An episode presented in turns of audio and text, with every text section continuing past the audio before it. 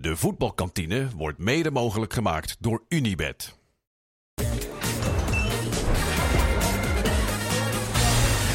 Ongelooflijk. Het bleek eh, bijna niet te kunnen dat de winterstop eindelijk zou aflopen. Maar het is zover. Vandaag gaan we beginnen. We gaan beginnen aan de tweede seizoenshelft. Ik heb er heel veel zin in. Jordi, jij? Ja, anders ik wel. Dus wat kan ik anders hebben meegenomen dan wat heerlijke momenten waar we zo naar uit, waar we naar gesnakt hebben, waar we naar uitkijken, dat het weer gaat beginnen.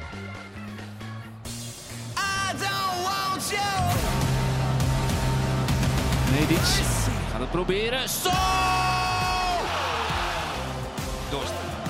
Probeert het maar een keer. Waarom ook niet? Wat een goal zegt Bas Dorst.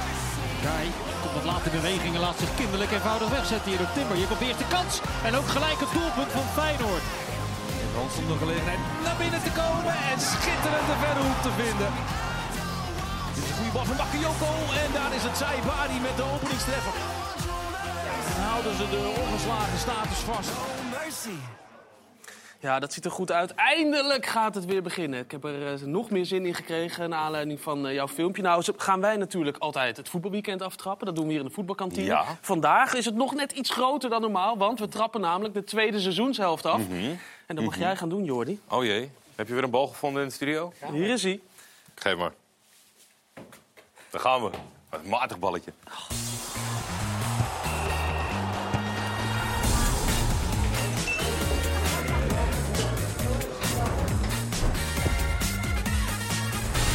Goedemiddag, fijn, goed en vooral verstandig dat je weer kijkt naar de voetbalkantine. We trappen dus eh, niet alleen de, de speelronde af, maar de hele tweede seizoenshelft. En dat gaan we doen met eh, een aantal gasten hier in de studio. Aan mijn rechterhand twee eh, echte Griekse goden zou je kunnen zeggen. Namelijk de trainer van Hercules en de oud-trainer van Heracles.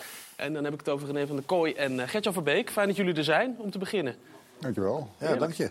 Ja, Ja, en wie anders dan de man die drie weken lang deze kantine heeft bewaakt, het fort heeft bewaakt, Robert Maaskamp. Ja. Welkom dat je er weer bent. Heb je fijne dagen gehad in deze Ik vind het kantine? leuk dat er weer eens iemand is.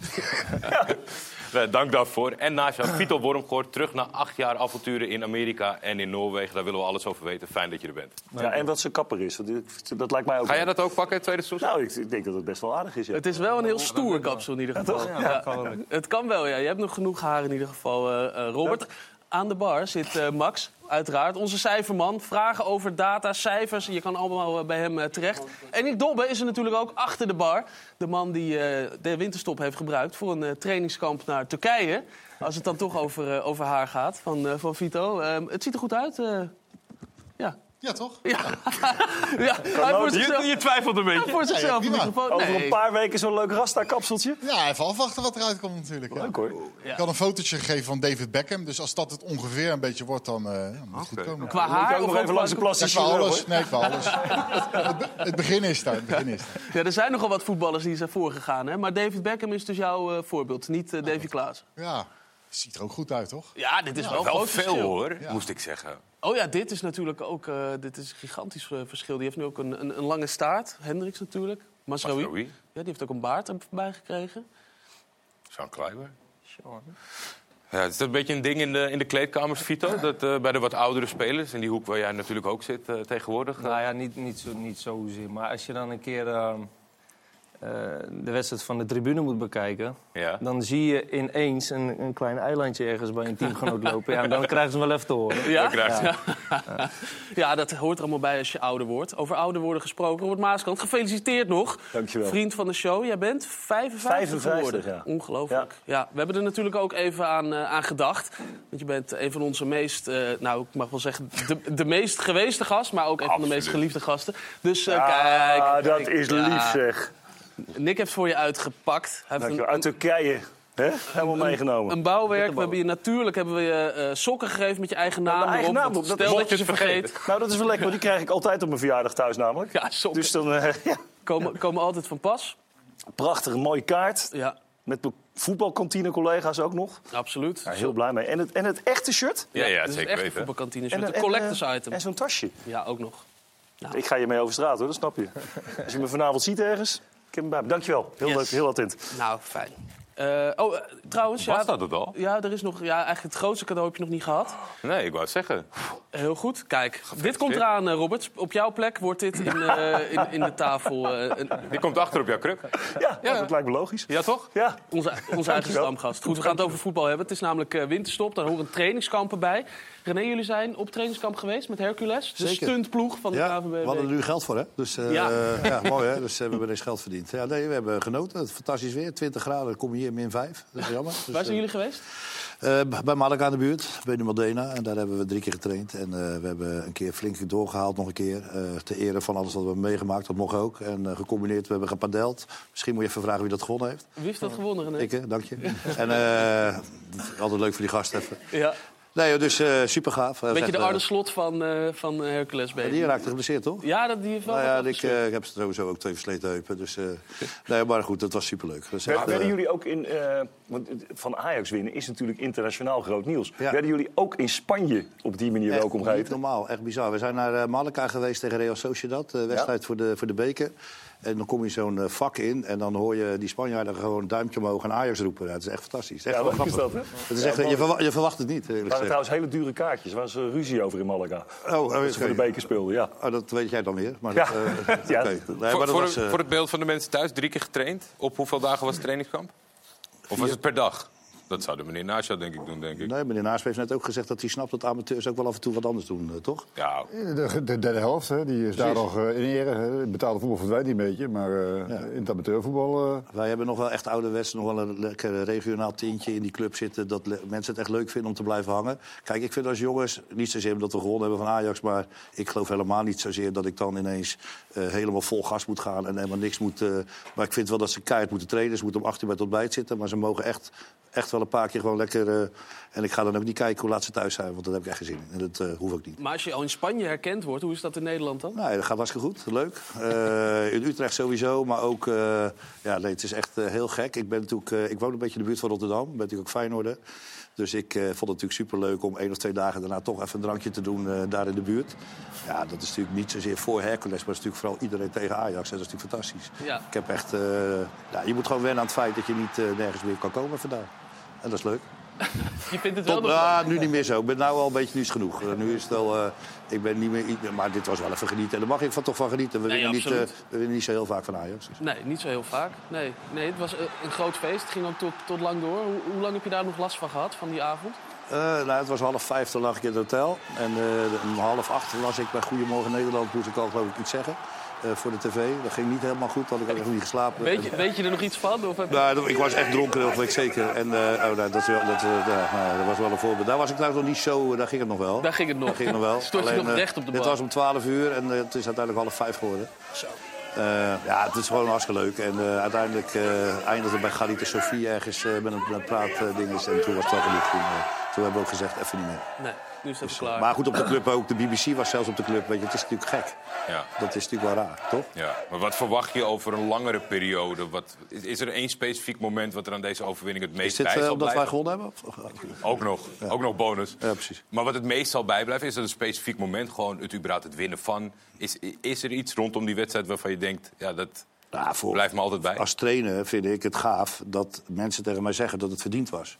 Eh, weet je, je kan natuurlijk ook zes keer van de lijn hebben afgehaald. Zelf eh, twee geluksmomenten of weet ik het wat. En als je natuurlijk eh, echt door een soort controle hebt terwijl je tegen Ajax speelt... Ja, dat is denk ik als trainer wat je wil. En dus voor mij persoonlijk is dat het. Weet je, dat je gewoon verhoort van omstanders van... Hey, je hebt gewoon goed georganiseerd gespeeld, slim, met een plan... Dat is natuurlijk voor mij leuk. Voor de spelers is het natuurlijk gewoon het hele... Die 3-2 kwam natuurlijk volledig uit de lucht vallen. Laten Ja. Na de 2-2 verlies je gewoon met 6-2 normaal gesproken. En dat was ook normaal geweest. Want ik was ook helemaal klaar met wisselen. Iedereen zat er doorheen. Dus dan, mag je gewoon, dan moet je gewoon accepteren, verlengen, 6-2 verliezen. Veel credits krijgen en that's it. Zo'n 3-2. We hebben volgens mij het hele jaar nog niet aanvallend uit een eh, vrije trap gescoord. eh, Met een voorzet.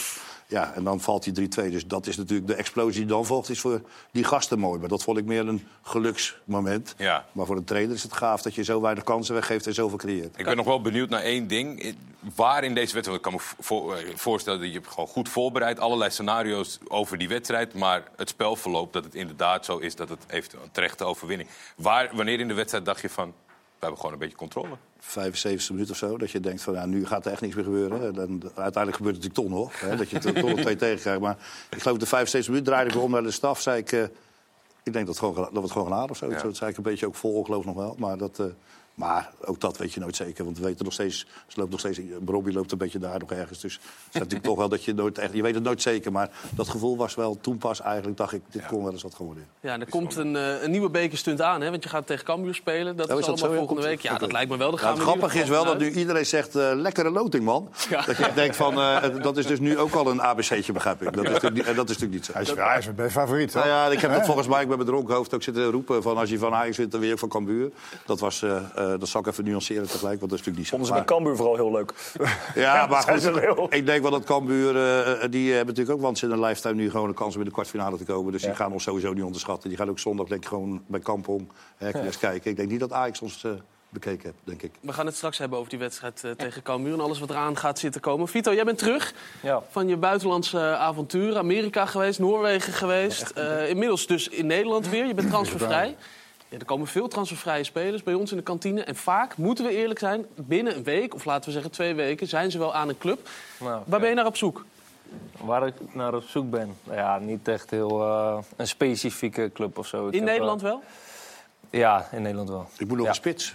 Ik moet nog. Ja, kan dat ik- ook? Dat kan ik ook, toch? Dit niveau Ja. van, van ons zeker, denk ik. Tik ze er wel in, hoor. Die. Ja, meestal proberen we een beetje af te tasten van zijn, zijn, is er een, een re- regio in tussen Ne- of tenminste Eredivisie KKD die niet hoeft te bellen, waar je naar uitkijkt, waar ligt een beetje de ondergrens. Nou, we wonen in, eh, in Houten. Nou, dat is dicht bij Utrecht. Het wordt Ja, steeds makkelijker, steeds, nee? eh, nou, ineens- nou geloof ik er ook wel eens in. Maar, nog een vrije trap ook nog. Maar die Maar, reis kost eh, niet handig. Kijk, spits. Je zocht een spits, toch? Hoppa. Oh, Oké. Nou, Dat is alweer een tijdje geleden. maar nee, waar, waar, we, waar ik en mijn, zaakwaarnemer dan... eh, waar, eh, wat ik zeg maar tegen hem heb gezegd van... Niet te ver eh, niet in het noorden, zuiden. Gewoon eh, een uurtje vanaf Utrecht, anderhalf. Maar dan ga je die cirkel trekken en een beetje de, de, de clubs er, erbij leggen. Maar er zijn er niet kapot veel clubs die daar, die daar zeg maar echt in die cirkel Aan het zitten. eisenpakketje voldoen. Nee, ja, precies. Dus, ja, eh, ADO Den Haag, de Graafschap. Mooi, het zijn toch Jawel, zijn- nu voor jou, met ervaring, van zeker 35? Weten. Zeker Ja. weten. En het, natuurlijk al, eh, ik heb er gespeeld. Dus ik ga ook niet ontkennen dat ik al contact heb gehad met die clubs. En dat er, eh, ja, wie weet nog wat uitkomt. Ja. Ze zijn nogal druk hè, bij, bij ADO met eh ja. ja, ik heb eh, gehoord dat Jordi Buijs zat hier vorige twee weken geloof ik in ieder geval de laatste uitzending. Ja, voor laatste de- uitzending. Dus die moet ik even terugkijken. maar eh, nee, die werd ook genoemd. Ja. En eh, nou, wij zijn dus ook in gesprek met, eh, met ADO. Ja, ik snap wel dat de clubs nu kijken naar... eh, die, die eerste divisie ligt natuurlijk toch redelijk dicht bij elkaar nog steeds. Als je kijkt naar de top 9, waar het allemaal in gaat gebeuren straks... ofwel play-offs, ofwel die directe twee promotieplekken... dat nu de periode is waar je nog net eventjes het verschil kan maken. Exact, maar toch vinden Nederlandse clubs, zeker in de KKD, het, ja, met Nou, het heeft oudere spelers. Het- nou, in, in Nederland, in Nederland Ja. in het algemeen hebben wij daar, eh, kijken we er wat zwaarder naar. Ja. Als je kijkt naar Gert-Jan heeft lang in Duitsland gewerkt. Daar is het veel gebruikelijker dat je gewoon kijkt naar de prestaties van de spelers... in plaats van hij is al 35. Ja. Ik bedoel, Müller speelt nog steeds bij Bayern. Maar het is, lijkt eh, mij ook, Gert-Jan, 37. toch in, in, zeg maar, dat het dicht bij elkaar ligt bij de KKD... dat je juist met een ervaren speler als Vito het verschil kan maken in die tweede seizoenshelft. Ja, ik denk dat je, de, als je kijkt naar, de, naar het verleden, hè, de clubs die gepromoveerd zijn, hebben een goede mix van eh, jong talent en eh, wat oudere, geroutineerde spelers die, eh, die, die het klappen van de zweep kennen. Hè. Dus eh, als je daar een goede. Alleen het is altijd het probleem hè, eh, in hal- halverwege het seizoen. Dat je altijd weer moet wennen aan, eh, aan een nieuwe speler. En, eh, en, en, die nieuwe speler moet ook weer wennen aan de groep en aan, aan Ja. de trainer. Hè, dus dat vraagt soms wel eens wat aanpassing. Maar heeft hij het voordeel dat hij dus aan het eh, einde van een competitie en eigenlijk nu weer eh, opnieuw start. Ja. Hè, maar ja, er zijn voordelen en nadelen aan eh, verbonden. En, tot, eh, tot wanneer heb jij doorgevoetbald? Want het gaat natuurlijk altijd over wedstrijdfitheid.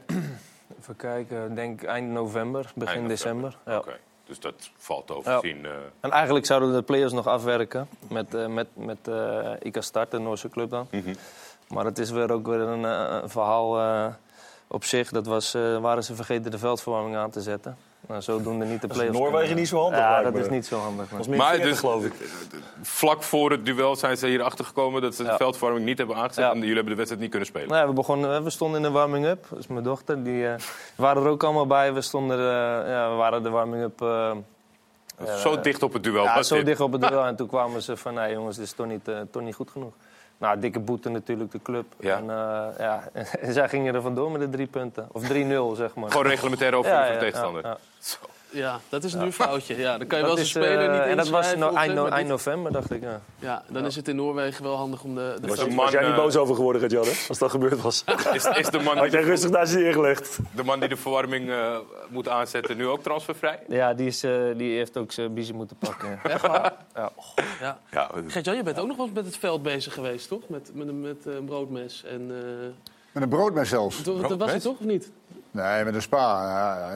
Bij- verschillende clubs wel. Ja. Nee, ik vind dat je... Omdat je ontevreden was over het veld en toen zelf dacht van, nou doe ik het wel even goed. Nou, doe ik het wel even goed. Nou ja, Eh, ik ben wel iemand die op een gegeven moment eh, proactief is. En Ja. eh, meedenkt en eh, kijkt of die, eh, of, die, of die kan samenwerken met de mensen die erover gaan. Hè, om, om zijn handje te helpen. Ja, eh, ik bedoel, twee weten meer dan één, toch? Moeten we dan denken aan de beelden die we vaak zien in de rust, dat, eh, het prikken, dat, dat werk? Nee, nee. Nou, ik heb bij AZ wel een trainingsveld... waar op een gegeven moment eh, in de zomermaanden bij een regenbui elke keer onder water stond. Toen hebben we wel geprobeerd om eh, dat wat gedraineerd te krijgen. Met een grondboren, gaten boren en vo- volstoppen met fijn zand. Om te kijken of het water weg wil. En dan help ik zelf mee. Ja, waarom niet? Ja. Dat klinkt is- eh, super logisch. En klinkt super logisch, maar je moet het wel je leert kunnen. ook nog eens ik, wat. ik zie weinig trainers eh, op, de, op de knieën. eh, het nee, ik, ik, vind, nou, ik ben het helemaal met... Ik bedoel, eh, hij is Nee, een eens one-man niet, maar ik heb one het ook wel army, is hij. De- hij bouwt zijn eigen huizen. maar eh, ik vind wel dat, dat als je als trainer bent... Dan waar je op speelt is wel ongelooflijk belangrijk. Dat dat goed is, zowel je trainingsveld als je, als je wedstrijdveld. Dus ja, natuurlijk hou je dat in de gaten. En als je daar iets bij kan helpen of je kan aangeven... van joh, dit ligt wat los... eh, of het is niet goed gedraineerd, ja, dan ben je wel mee bezig als trainer. Gert-Jan, we zitten midden in de, in, de, in de winterstop, tenminste aan het einde van de winterstop, gelukkig. Gelukkig. Maar we hebben veel trainingskampen gehad natuurlijk, van eh, veel clubs. En allemaal in eh, Spanje geweest, geloof ik, de helft van de Nederlandse clubs. Hoe vond jij dat als trainer, trainingskampen? Op het moment dat je daar de, de tijd voor kunt nemen, omdat de, de, de winterstop dusdanig is dat je daar ook een goede week kan zitten, dan zijn dat hele aangename eh, weken om, om door te brengen. Hè? Maar als, als het zoals nu eh, vrij kort op, eh, op elkaar is, dan zit je ook met reistijd. Hè? Je hebt dan wel een vrij lange eh, stop gehad, hè? omdat je al eh, het weekend voor de kerstdagen al, al stil lag. En eh, hè, dan heb je jongens die gaan allemaal naar, hè, want zijn vaak ook buitenlandse jongens die naar, naar de familie gaan. Nou, dan hebben ze 14 dagen hebben ze niet of nauwelijks wat gedaan. Eh, toch vaak wat andere dingen gegeten als normaal. En dan, eh, ja, dan kom je te- 1, 2 of 3 januari kom je weer op de club. En dan moet je nog naar, een- naar een ver land. In dit, dit geval vaak dan Turkije of, of Spanje. Ja, dan zit je toch wel een beetje te kijken van, nou ja, wat, wat kan ik nog doen in, in die 10 dagen om ze nu... eh, vanavond is de eerste wedstrijd, hè, RKC. Ja. Maar proef, proef ik hier een beetje uit dat je, dat je ook zoiets hebt van... het is gewoon praktischer en eigenlijk beter werken, laten we gewoon blijven? Nou, er zijn ook ploegen zijn ook gebleven. Hè? Of die hebben in Nederland een trainingskamp opgeslagen. En ik, eh, ik heb ooit een keer eh, mijn eerste trainingskamp met Heracles... eh, in het begin van mijn carrière eh, zijn we naar de Schelling gegaan, eh, een lang weekend. Tevoren het ook dat het kraakte. Ja. Maar eh, als ik die jongens uit die tijd nog eens een keer tegenkom... zeggen ze van, eh, we hebben jaren later eh, zijn we nog vaak in het buitenland geweest... maar het mooiste trainingskamp hadden we op de Schelling. Maar waarom was dat? Omdat, omdat het zo gezellig was? Of Dat was heel primitief. We hadden, er was toen bijna geen geld. We hadden geloof ik een begroting van, eh van 3,5 miljoen. En, en de trainingskamp hebben we door twee sponsoren hebben we 12.000 eh, euro bij elkaar kunnen sparen. Toen konden we net de boot naar de Schelling betalen. En we sliepen met z'n allen op, op één zaal. Het, eh het Volkshogeschool eh, sliepen we. En eh, nou, dat was heel primitief. Maar dat was wel heel goed om, voor, voor, voor, de, voor het samenwerken en, en, en de binding en de teambuilding. Ja, Ik kan me herinneren dat op de Schelling... Ik ben, ik ben ook veel, heel veel op de Schelling geweest vroeger. Wij zaten in Hotel Skielge, wat toen inmiddels al verbouwd en vernieuwd was. Dus wij zaten in die tijd al wat eh, iets chiquer. Eh, maar die spelers wilden allemaal altijd, altijd al een avondje weg. En dat kon in die periode ook nog. Toen zei ik, nou jongens, succes. Het was geloof ik min 30. en, en, die, en die waren allemaal, dat vond ik echt karakter, allemaal spijkerbroekje aan. En toch de eh Westerschelling in. Er was natuurlijk helemaal niets te doen. Maar dan ook niet terug durven komen. Want dan Nee. vonden ze toch een beetje gezichtsverlies. dat vind ik mooi. Die hebben daar gewacht tot ze op een Ja. gegeven moment... Tot Nou, dat is ook teambuilding, hè? Met Ja, elkaar dat- dingen doen. Dat is ook zo, ja. Jij was, stond er ook om bekend dat je wel eh, innoveerde op trainingskampen. nu zie ik ook bij Feyenoord trainen ze met pleisters over de mond. En bij eh, PSV gaat het over eh, intensiteit verhogen. Vooral in jouw Feyenoord-tijd heb je best wel nou, tegen druk gehad hè, op dat gebied. Net als Maurice Stijn bij Ajax. Ja. Hè, dat is wat, wat, wat, wat, frisser in het geheugen. Ja, inderdaad. eh, dat was ook inderdaad een tijd waarin Feyenoord al een aantal jaren bivakkeerde rond de vijfde plek. Eh, clubs als Herenveen, Groningen, AZ, die eh, waren Feyenoord voorbijgestreefd. Dus die, die hadden niet eens aansluiting bij de, bij de top drie. En eh, ja, die wou over andere boeg gooien. En dan praat je over eh, cultuurverandering en topsportcultuur. Nou ja, en veranderingen, daar hebben mensen hekel aan. Je kan beter praten over vernieuwen. En daarin eh, hebben de beleidsmakers en, en, en, ook ik eh, als een van degenen die dat initieerde... eh, wel ook communicatiefouten gemaakt. Hè? Want dat, dat soort dingen moet je heel goed communiceren. Je moet vooral goed luisteren ook naar de medewerkers.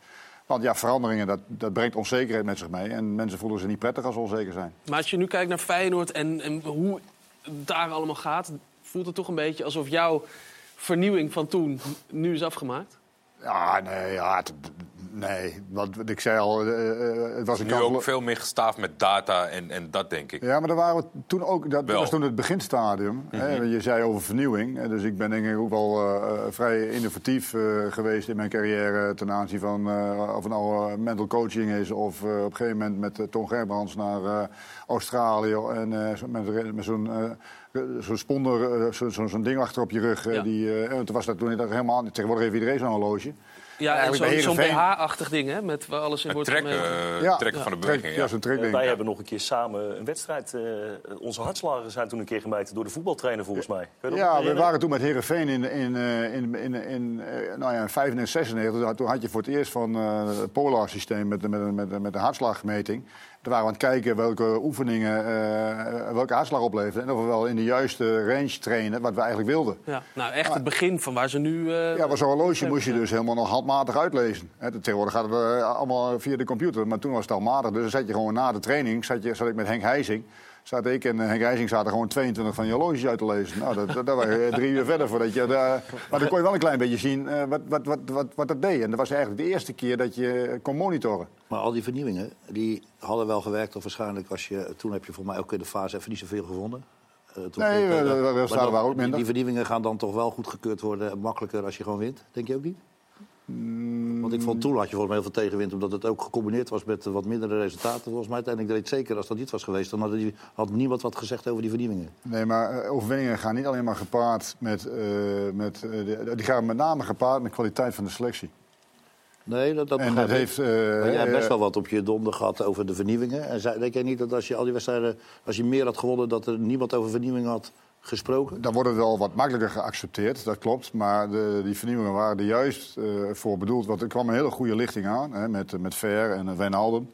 En dat waren allemaal hele jonge jongens, maar die waren 16, 17 jaar. En die moesten eigenlijk de karrel trekken. Terwijl de oudgedienden, eh Hofland, eh, Giovanni van Bronckhorst, Roy Mackay. Mackay... Ja.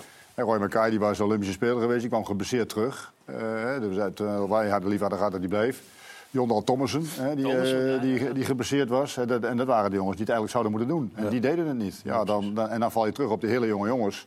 Ja, en dat was gewoon een, een, een, een brug te ver op dat moment. Maar over die innovatie gesproken, want jij bent daar altijd heel erg eh, ver mee ge- eh, ge- gegaan en, en daar was je dan ook mee bezig. Maar waar merkte je dan aan in zo'n groep van het, het land nog niet helemaal? Of had je wel het idee dat het toen al landde? Nee, er, is no, er was no weerstand. Hè, eh, de, de, ik was gewend eh, bij Herenveen om gewoon eh, twee, drie keer in de week eh, eh, in het krachthonk te zitten. Met, met, eh, heel specifiek met spelers. Hè. Dus dat betekent dat een speler van 34 wat anders doet dan een jongen van 18 jaar. Ja. En, eh, dat was het heel, ook nog even voor dan? en dat was, eh, als, het, als het moest, maar eh, dat was niet de, de, prioriteit. Maar eh, ik gaf wel uit, mezelf eh, gaf ik die training met behulp van de fysiotherapeuten. eh, eh, dus de begeleiding eh, deden we met z'n allen. Tegenwoordig heb je veel meer specialisten als in die tijd. Hè. Eh, Bij de laatste club daar zaten we met twaalf man aan tafel, morgens vroeg. En, eh, en dat was bij Feyenoord eh, nog wel wat minder in die tijd. Maar dat is de afgelopen jaren is dat zo gegaan. Hè, maar eh, eh, ja, de, de, de intrinsieke motivatie op dat moment was er niet. Hè. Je hebt tegenwoordig de Breakfast Club bij, eh, bij Feyenoord. En dat, je hebt bij Ajax met Tadic heb je het ook gehad. En dan zie je hoe zo'n cultuur ontstaat. En waarin op een gegeven moment ja, je niet kan achterblijven. Want als je achterblijft, dan ga je niet spelen. Hè. Je ziet Timber bijvoorbeeld, hoe die zich ontwikkeld heeft het afgelopen half jaar. Nou ja, dat heeft een hele po- positieve respons. Maar ik had een oudere groep die daar totaal niet zag zitten. Die, denken, ja, eh, die deden in de voorbereiding bij de clubs waar ze wel eens wat aan krachttraining, maar niet door het hele seizoen heen. Nee. Nou, en ik was gewend om dat gewoon het hele seizoen een onderdeel te hebben van, van, van, van de trainingen die je deed. Je hebt de bovenkant van de hiërarchie nodig om het toe te passen. In Ja. plaats van juist van de bovenkant van de hiërarchie Ja, tegenwerking. maar die jonge jongens wilden wel. Ja? Dus precies. met Ver en met, met, met Wijnaldum en zo. Je die wil het andersom, want die jonkies pakken het daarna natuurlijk vanzelf op als ze zien dat grote Sommige jongens maakten, doet. Ja. maakten, maakten eigenlijk eh, de boel een beetje belachelijk. Ja. En, dan, en dan sta je wel als trainer, eh, eh, begin je eigenlijk aan een, een kansloze missie. Ja, zo is het. We hadden het al over de trainingskampen. En ook in Uitblinkers heeft Maddie een hele studie gemaakt van de trainingskampen van de Eredivisieclubs.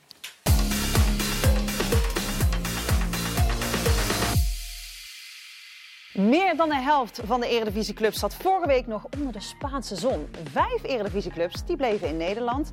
PEC koos voor Duitsland, Volendam koos voor Turkije en alleen RKC koos voor een intercontinentale bestemming. Voor mij is RKC wel over, eh, over het geheel genomen wel een hele andere club dan waar ik tot nu toe heb mogen werken. En de grote vraag bij de hervatting is natuurlijk hoe lang blijft PSV nog zonder puntenverlies? Ja, want wat die Eindhovenaren presteren is natuurlijk ongekend. Maar het gaat er uiteindelijk om dat je het met elkaar doet. Dat is zeker zo.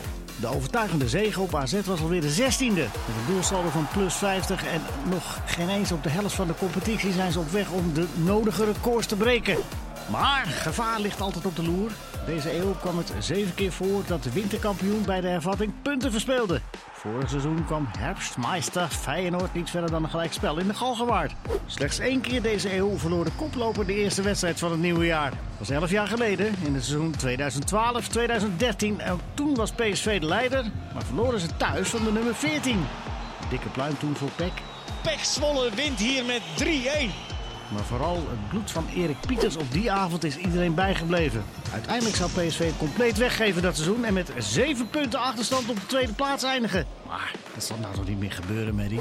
Ja, ik kan het me echt niet voorstellen, maar laten we maar gewoon eens eindigen met het allerslechtste voetbalcliché. Alle tijden, je weet het nooit, want de bal is rond. En dat is maar goed ook, want die bal moet weer dit weekend gaan rollen. En ik heb er zin in. Heel veel plezier. Ja, en die bal die gaat straks rollen om 8 uur bij RKC tegen Heracles. En dat is dan de eerste wedstrijd van de tweede seizoenshelft in de Eredivisie. We hebben natuurlijk onze grote ster die kant op gestuurd om in polshoogte te gaan nemen. Jan Joost, goedemiddag nog. Eh, het ziet er ook uit alsof jij op trainingskamp bent geweest. Gezond kleurtje. Ja man, lekker. Goedemiddag. Mochten jullie trouwens eh, na vanavond niks meer van mij horen... ik sta op het meest dubieuze industrieterrein in de gemeente Engelen bij eh, Den Bosch. Een soort af, aflevering van Opsporing Verzocht. Achter mij een soort heel dubieus eh, jaren 80 gebouw. Ik hou van jullie allemaal. Ik heb mijn werk al met veel plezier gedaan. Mocht dit de laatste zijn, dan was het mooi geweest. Hoe dan ook, ik ben op trainingskamp geweest. Ik heb vanmiddag trouwens nog even eh gepadeld met eh Rafael van der Vaart en commentator bij RKC Heracles, George Blauw. Die speelde samen met Arie, een vriend van mij. En Rafael en ik zijn in de pan gehad. Eh, we waren allebei op vakantie geweest en alles behalve fit. Dat neemt niet weg dat we voor RKC Heracles vanavond uiteraard gewoon weer helemaal klaar zijn. Ja, dat is een echte degradatiekraker meteen, hè?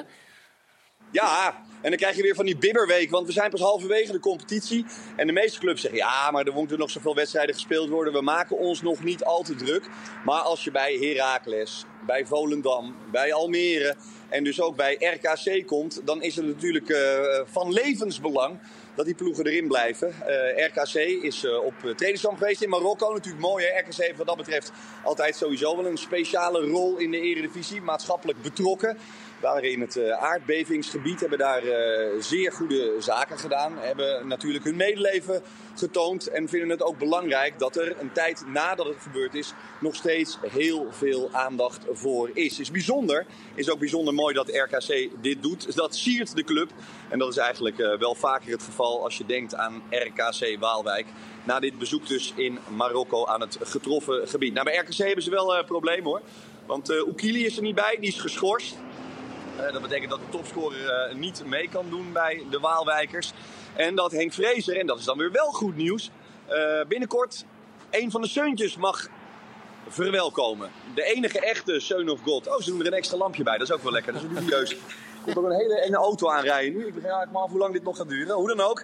Eh, Ralf kan er vanavond eh, weer bij zijn bij de Graafschap. Maar Mats gaat natuurlijk gewoon naar RKC. Dat is rond. Zijn contract wordt ontbonden bij FC Utrecht. En hij zal RKC van de nodige goals en assists moeten gaan voorzien. Kan je wel aan hem overlaten hoor. Als Mats ergens bij een clubje belandt waar hij een vrije rol krijgt. Waarin ze zeggen, Mats, voetballen is leuk. Enorm veel plezier vooral. Dan gaat dat goed komen. Hij eh, zal vanavond nog niet meedoen. Maar wel binnenkort dus bij de ploeg van Fraser. Wil je ook nog wat weten over Heracles? Ja, ja, ik weet niet. Ja, het is wel gevaarlijk. Misschien moet je daardoor. Maar dan maar het laatste even over, eh over Heracles. Die eh, hebben een Ik heb hele... mijn capuchon op, want ja, eh, verstandig. er echt een dubieuze figuur aan. Ja, Ja, ja. nee, Herakles met Van der Looy uiteraard. Van der Looy is de man eh, die het eh, roer heeft overgenomen van John Lammers. En gaat met een eh vijfmans verdediging spelen. Drie centrale spelers. Je mag tegen Erwin van der Looy nooit zeggen: ben jij een defensieve trainer? Wordt hij super kwaad. Maar toch ga ik dat vanavond doen. Want eh, ja, als je met drie centralen speelt, dan hoeft dat natuurlijk niet altijd te betekenen dat je defensief gaat spelen. Maar hij wil wel wat meer zekerheid. Overigens komen Jetro Willems en Vejinovic terug in het elftal van eh Heracles.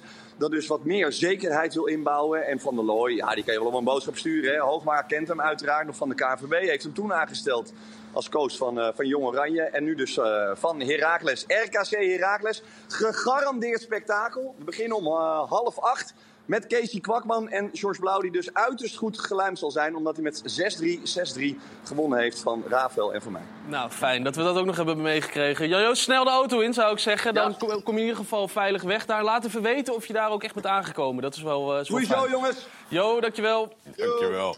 Ja, Jan Joost die dus op weg gaat naar eh, de wedstrijd van Heracles. Die een nieuwe trainer hebben. Beste keuze, Gert-Jan?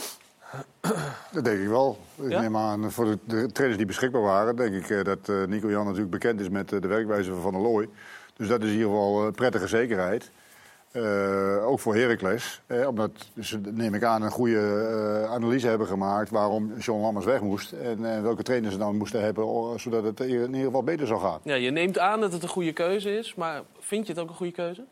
Dat zou moeten blijken. Dat, ik bedoel, ik, ik ken de problematiek die ik zag. Ik heb Heracles een aantal keren zien spelen. Vond ik ook wel dat het een hele matige, kwal- kwalitatief matige spelersgroep is. Ja. Waarin heel weinig creativiteit zit. En dat ze inderdaad verdedigend eh, problemen hadden. Nou ja, de huisstijl is 4-3. Nou ja, ik vind het niet zo onverstandig dat hij ervoor kiest om eh, inderdaad eh, met vijf man eh, achterop te beginnen. Want inderdaad in het centrum, daar regende het goals. Hè, dus er zijn wel, dus de- de- met name spellen ik er werden heel slecht verdedigd bij Heracles. Dus daar heeft, dat heeft de nodige aandacht. En ja, dan zoek je een trainer die, die een goede organisatie kan neerzetten. En Van der Looy wordt wel een beetje beticht van een defensieve coach te zijn. Pas op, als hij dit hoort. nou ja, als je weinig creativiteit hebt en je hebt veel tegengoals, dan is het ook wel goed dat je defensief denkt. Dat je eerst eh, dat eh, goed op, eh, op de rit krijgt. En want dan ontstaat er vertrouwen en dan krijg je ook wel weer wat meer de poten onder, de, onder, onder het gat. zo Vind je, te dat, zeggen. vind je dat John Lammers dat slecht heeft gedaan? Dat hij te, te naïef is blijven voetballen met, met deze selectie? Nou ja, je hebt natuurlijk ook te maken met schorsingen en, en, en met, met blessures. Hè. Vanaf het begin van het seizoen. Hè. Ja. Zijn, eh, z- zijn spits raakte geblesseerd. eh een middenvelder geblesseerd. Lauwsen nu ook weer. Ja, hè, dus dat, dat- daar, daar, daar, kun je niet zoveel, daar kun je niet zoveel aan doen. Eh, aan de andere kant is wel zo, hij heeft wel heel lang vastgehouden aan, eh, aan de visie. Hè, om, om het, eh, met, met, eh, met het 4-3-3 systeem. En waarin hij elke keer aan het zoeken was naar de juiste samenstelling. Hè? Want eh, hij heeft nogal wat wisselingen eh, doorgevoerd. Hè? Vinovic er wel in, Vinovic er niet in. Nou ja, en, en, en zo zijn er wel meer mensen eh, en opties. Hè? Was, hij gaf ook aan niet tevreden zijn over het middenveld, het functioneren van het middenveld. En, en ook daar had hij veel wisselingen. Ehm, ja, en voorin te weinig scorend vermogen. Ja, dan heb je al snel de, de problematiek van een eh, degradatiekandidaat. Ja. ja. René, wat is jouw stempel? Als, er zegt, eh, als Erwin van der Looy zijn naam genoemd wordt, dan gaat het erover defensieve coach. Vindt hij zelf niet leuk? Wat is het stempel dat jij hebt in, eh, in het voetbal? Goeie. Nou, 4-3-3 toch? Ja, maar dat hele formatieverhaal, daar zijn we niet zo van. Wel van eh, dat je kost wat kost, eh, misschien wel als iets romantisch ingesteld, eh, altijd je opbouw wil creëren.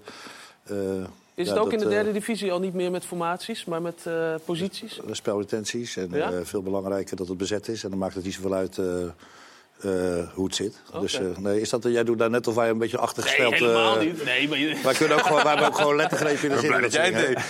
Dus eh, we zijn niet helemaal eh gek. Nee, En, daarmee heb je gewonnen van Ajax. nou, nee, nee, maar dat is- ja, maar goed, dat is geen, eh, daar ga ik nou ook niet helemaal alleen maar voor. Maar wij eh, hebben het natuurlijk ook gewoon over eh, een bepaalde huisstijl. We hebben de minste begroting van heel die derde divisie ongeveer. We hebben een goede jeugdopleiding die van veel BVO's wint, onze 121 bijvoorbeeld. Dus wij zijn echt wel met een plan bezig. En Ja. dat betekent ook wel dat we een bepaalde manier van voetballen voor ogen hebben. En zeker word ik afgeslacht af en toe wel eens in de media... dat het allemaal iets te veel breien is en op eigen helft en kost het kost willen opbouwen. Het is de kracht en de zwakte tegelijk. Want als het fout gaat heb je een probleem. Maar als het goed gaat dan eh, is het fantastisch. Hebben jullie de minste, de, de, de laagste begroting van de derde Ja, we zitten van die 34, of wat is het, eh, 36 derde divisieclubs... eh, zitten wel bij de onderste vijf. Onderste vijf. Ja, waarvan ik zeker weet dat aankomende zondag... eh, de twee Utrechtse clubs die tegen elkaar moeten, die zitten bij die onderste vijf. Tegen geval- Kampong moeten jullie. Kampong zit zelfs, is sowieso de laatste, want die laten zelfs spelers een contributie betalen. Heel knap. Dus, eh, en wij zitten inderdaad... eh, maar goed, eh, En je wat hebt is ook... jullie begroting? 50.000 euro? Ja, Moet 50, dat 60.000 euro. Puur spelers alleen, hè, want Ja. eh, niet de trainer zit daarbij. Trainer je, Dat eh, begrijpen jullie.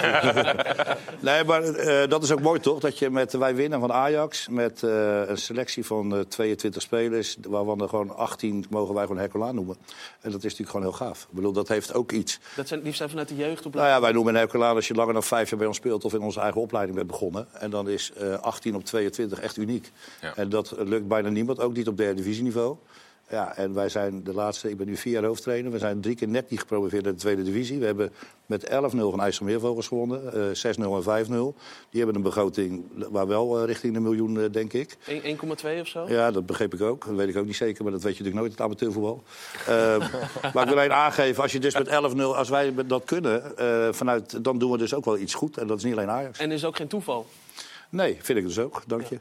Kort, kort voor de break ook één ding. Vito, bij voetballers, profs is het meestal 50-50. Of ze na, richting het einde van hun carrière openstaan voor nog doorvoetballen bij de amateurs. Of absoluut niet. In welke kamp behoor jij? Eh, ja, doorvoetballen. Doorvoetballen? Ja. Dus eh, de goede amateurclubs moeten scherp zijn. eh, ja, nee. ik, ben, ik moet jaren. eerlijk zeggen, ik ben ook al in gesprek met eh, een, eh, een concurrent in de divisie van... eh Eén divisie hoger, denk ik. hè? Nee, derde divisie. Serieus? Ja. Ja? Zo. Ik hoor nog opties hoor. Ja, maar Nou moet je echt doorpakken, heeft net ook een eh, budget gehoord van 5 Maar we hebben Nee, hoge, ik weet- hoge tafels hier. Nou, keertje minder, je kan nu omhoog, één keertje minder trainen. Ik denk, hij blijft lekker op maandag thuis, lekker bij je dochter. Leuk man. Kijk hier, je? Allemaal. Het kan hard Ik gaan. help, ik help je wel. hoor. Goed, we gaan naar de reclame. Dan kan hier misschien een deal worden gesloten. En dan zijn we straks terug. En dan zijn we terug met Op de Stip. Dan gaat Vito namelijk iets heel bijzonders laten zien. Iets eh, wat hij heeft meegenomen uit zijn tijd bij Amerika. Het zit in dit doosje. Het is heel klein. En we gaan straks eens zien wat het is. Heel graag. Tot zo.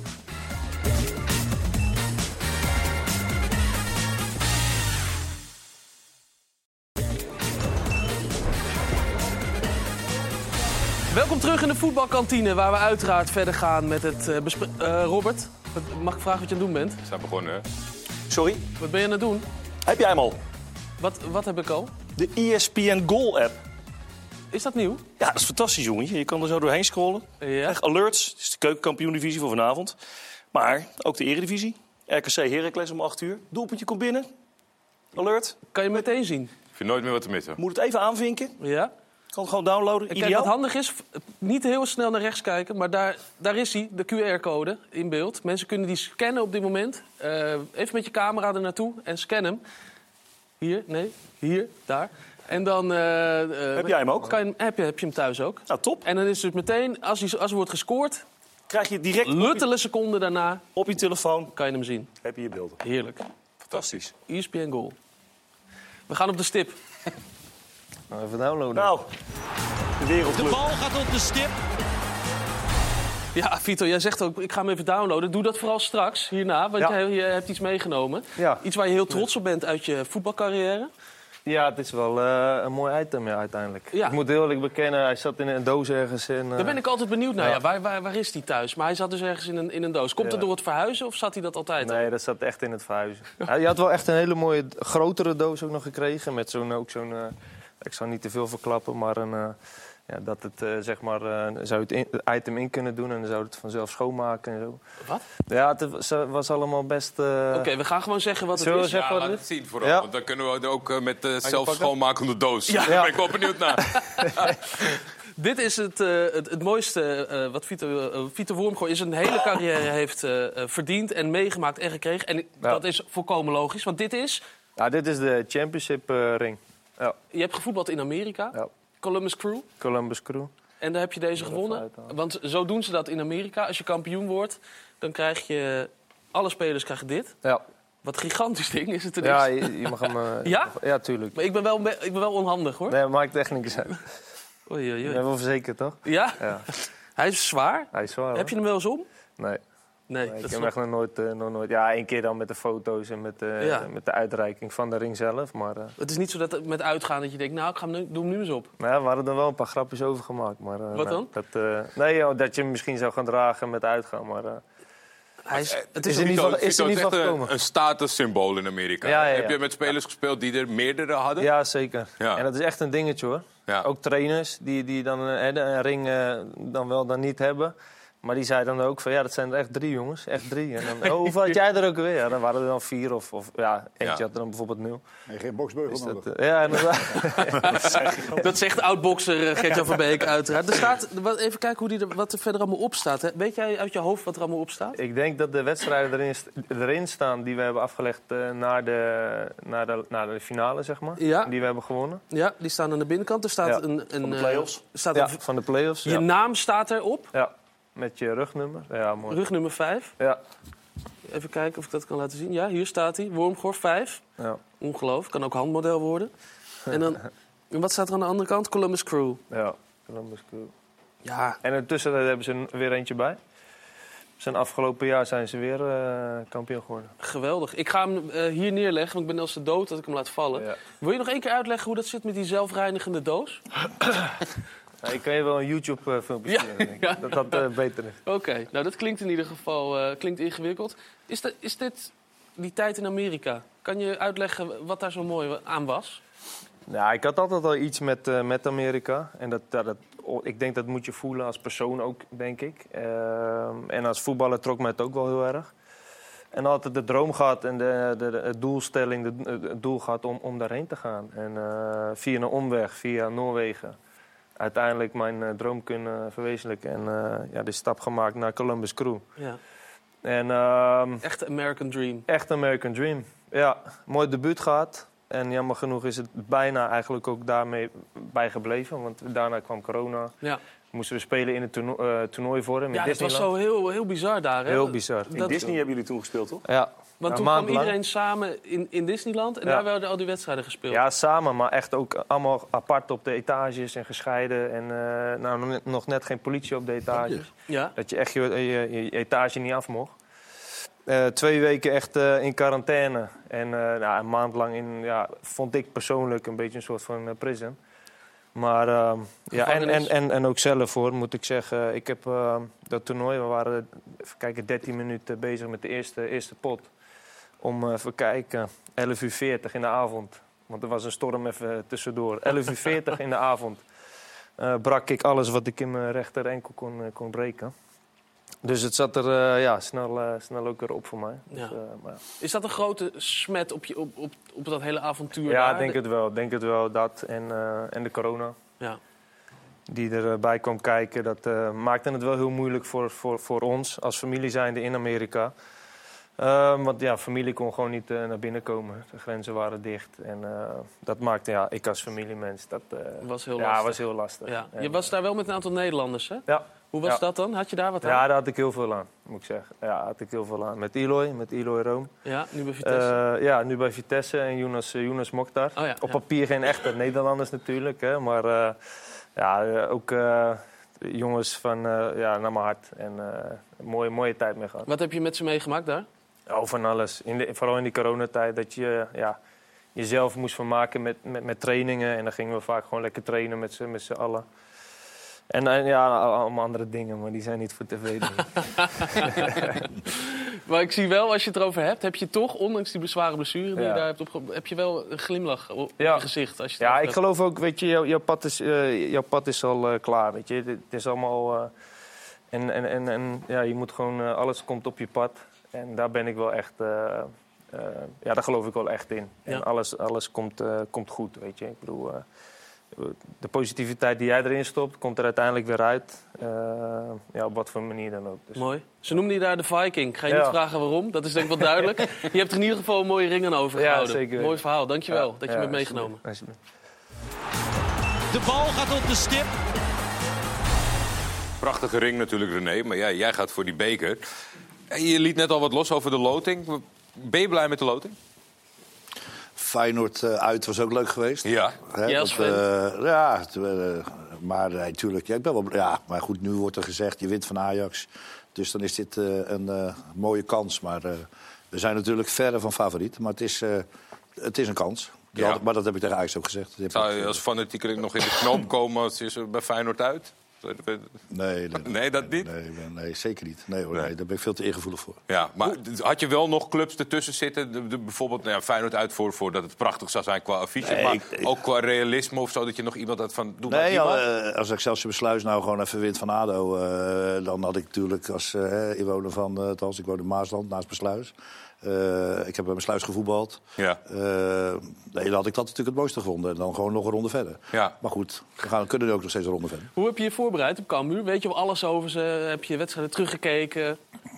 Ja, dat is sowieso wel een tik van mij hoor. Als uh, autist zijnde, dat dat sowieso wel gebeurt. En, uh, dus dat laat ik sowieso. Ja, ik kijk gewoon alles. En ik uh, krijg ook alles. Ik vraag hulp. Uh, mensen, bijvoorbeeld tegen Ajax hebben we tegen de laatste drie tegenstanders. heb ik ook gewoon de analisten opgebeld van joh. Wat heb je allemaal gezien? En stuur eens wat op. En, en de trainer van Spakenburg, hè? trainer van Spakenburg, uh, hoe die het tegen FC Utrecht heeft gedaan. Ja. En uh, waar uh, sowieso al een aardige connectie mee. Dus het is. uh, ja, ik vind sowieso het amateur, ik weet helemaal niet hoe dat dit betaalde voetbal is, maar ik vind sowieso dat we daar vrij uh, veel met elkaar over voetbal praten. Dus het is sowieso heel makkelijk om uh, beelden worden tegenwoordig ook echt al gewoon gedeeld van joh. Hier heb je de beelden, uh, ja. zelfs van jezelf bijna, die ga je nog maar geven. ook in de competitie of, of is dat vooral in de beker? Nou ja, goed, uh, sommigen gun je dat dan wat minder misschien. Maar er zijn, uh, in principe is dat niet zo ingewikkeld. En ja, ik heb ja, natuurlijk ook met. je, je kijkt alles. Ik bedoel, ik denk ook dat we het kunnen beamen dat ook op dit niveau, ook voor Hercules, juist misschien wel tot in details dingen besloten gaan worden. Ik bedoel, we krijgen sowieso 20 corners tegen. Dus dan is het best relevant om te weten hoe zij die gaan nemen. met die corners doen. Uh, dus ik denk dat je dat soort dingen, daar moet je gewoon meer energie in steken als club. En dat doen we ook. Dus, je gaat straks nog die kant op ook, hè?